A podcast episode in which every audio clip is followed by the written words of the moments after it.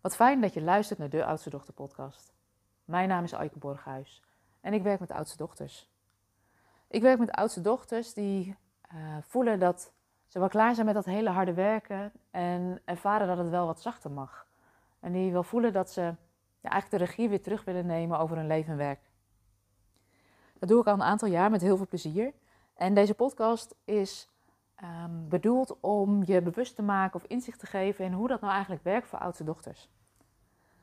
En in deze podcast wil ik het met je hebben over je hoeft niet altijd blij en gelukkig te zijn. En ik neem je even mee terug naar de kerstvakantie. Het was kerstvakantie in december. Nogal logisch, 2022. En ik had me daar best wel op verheugd. Ik heb best een hectisch jaar achter de rug gehad in 2022. Ook een superleuk jaar, maar ook een hectisch jaar.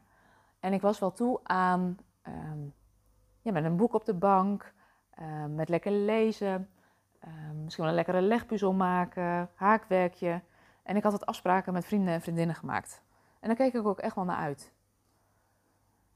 Maar corona gooide roet in het eten op dat moment. Ik kreeg koorts, behoorlijke benauwdheid en ik ben ook echt wel een paar dagen goed ziek geweest.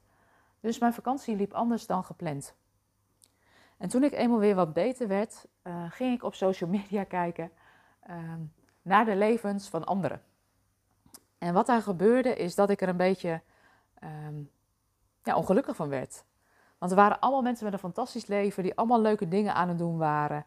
Fijne vakanties, kinderen die eruit zagen om door een ringetje te halen. En als ik me niet zo lekker voel en op social media scroll, dan kan ik af en toe echt het gevoel hebben dat mijn leven mislukt is. Dat ik als een saaie huismus op de bank zit in een ontploft huis en via mijn telefoon naar binnen zit te gluren bij de mensen die wel een leuk leven hebben. En je herkent die momenten bij jezelf misschien ook wel. Die momenten dat je je eigen binnenkant, dus hoe het echt met je gaat, vergelijkt met de buitenkant van iemand anders. En wat mij op dat soort momenten helpt, is om in ieder geval niet te scrollen op social media. Dus wat ik ook heb gedaan in die periode, want ik merkte dat ik er niet blij van werd, is dat ik mijn social media apps van mijn telefoon heb afgehaald. Dat gaf wel rust en ruimte. En wat er ook gebeurde, is dat ik mezelf de toestemming gaf om niet altijd blij en gelukkig te zijn. Dat ik me ziek mag voelen. Dat ik me alleen mag voelen.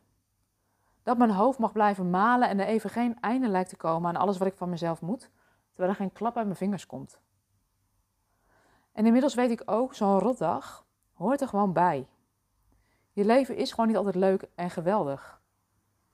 En als ik naar mezelf kijk, ik kan wel zeggen dat dat niet zo is, maar mijn cyclus speelt daarin ook mee. En het is de vraag hoe jij met jezelf omgaat op die mindere dagen. Ben je dan een beetje lief en zacht voor jezelf of word je streng en kritisch?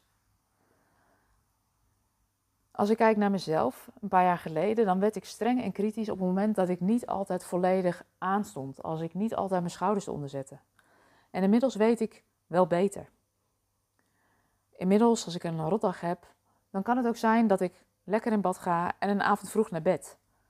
Want als ik dat doe, dan ziet de wereld daarna er vaak alweer een stuk lichter uit. En als zo'n periode te lang duurt en je stelt jezelf steeds vaker de vraag: is dit het nu? Dan kan het zijn dat je de verbinding met wie je in de kern bent wat bent kwijtgeraakt. En dat is een uitnodiging om het dan anders te gaan bekijken of te gaan doen. En wat oudste dochters geneigd zijn om te doen, is om hier ontzettend over na te denken. Van wat zou die volgende stap kunnen zijn die ik kan zetten? En dat klinkt makkelijker dan dat het is. Want die oplossing in je hoofd vinden, dat lukt je vaak niet. En het lukt je vaak niet alleen. En ook het antwoord alleen vinden lukt niet. Want als dat zou kunnen, dan had je het al lang opgelost. En de kans bestaat dat je al eindeloos hebt zitten nadenken over wat je volgende stap zou kunnen zijn. Maar het antwoord ligt vaak in je lijf en niet in je hoofd. En het kan ook best confronterend zijn. Weten dat je het soms wel anders zou willen, maar niet precies weten hoe. Helemaal voor oudste dochters die gewend zijn om het altijd voor alles en iedereen op te lossen. Om dan te erkennen dat het jezelf of alleen even niet lukt, kan dan best lastig zijn. Maar weet je, je hoeft het ook helemaal niet alleen te doen. Je mag om hulp vragen. En wat ik nog wel eens hoor bij oudste dochters is dat ze zeggen: Ja, maar ik krijg ook niet zo vaak hulp aangeboden. Uh, dat is een patroon wat ik zie bij heel veel oudste dochters. En wat daarmee vaak gebeurt, is dat wij als oudste dochters ook uitstralen dat we het allemaal wel zelf wel kunnen en zelf wel onder controle hebben. We laten soms ook niet zien als we wel wat hulp kunnen gebruiken. Dus je mag om hulp vragen. Ook jij. De steun en toeverlaat van alles en iedereen.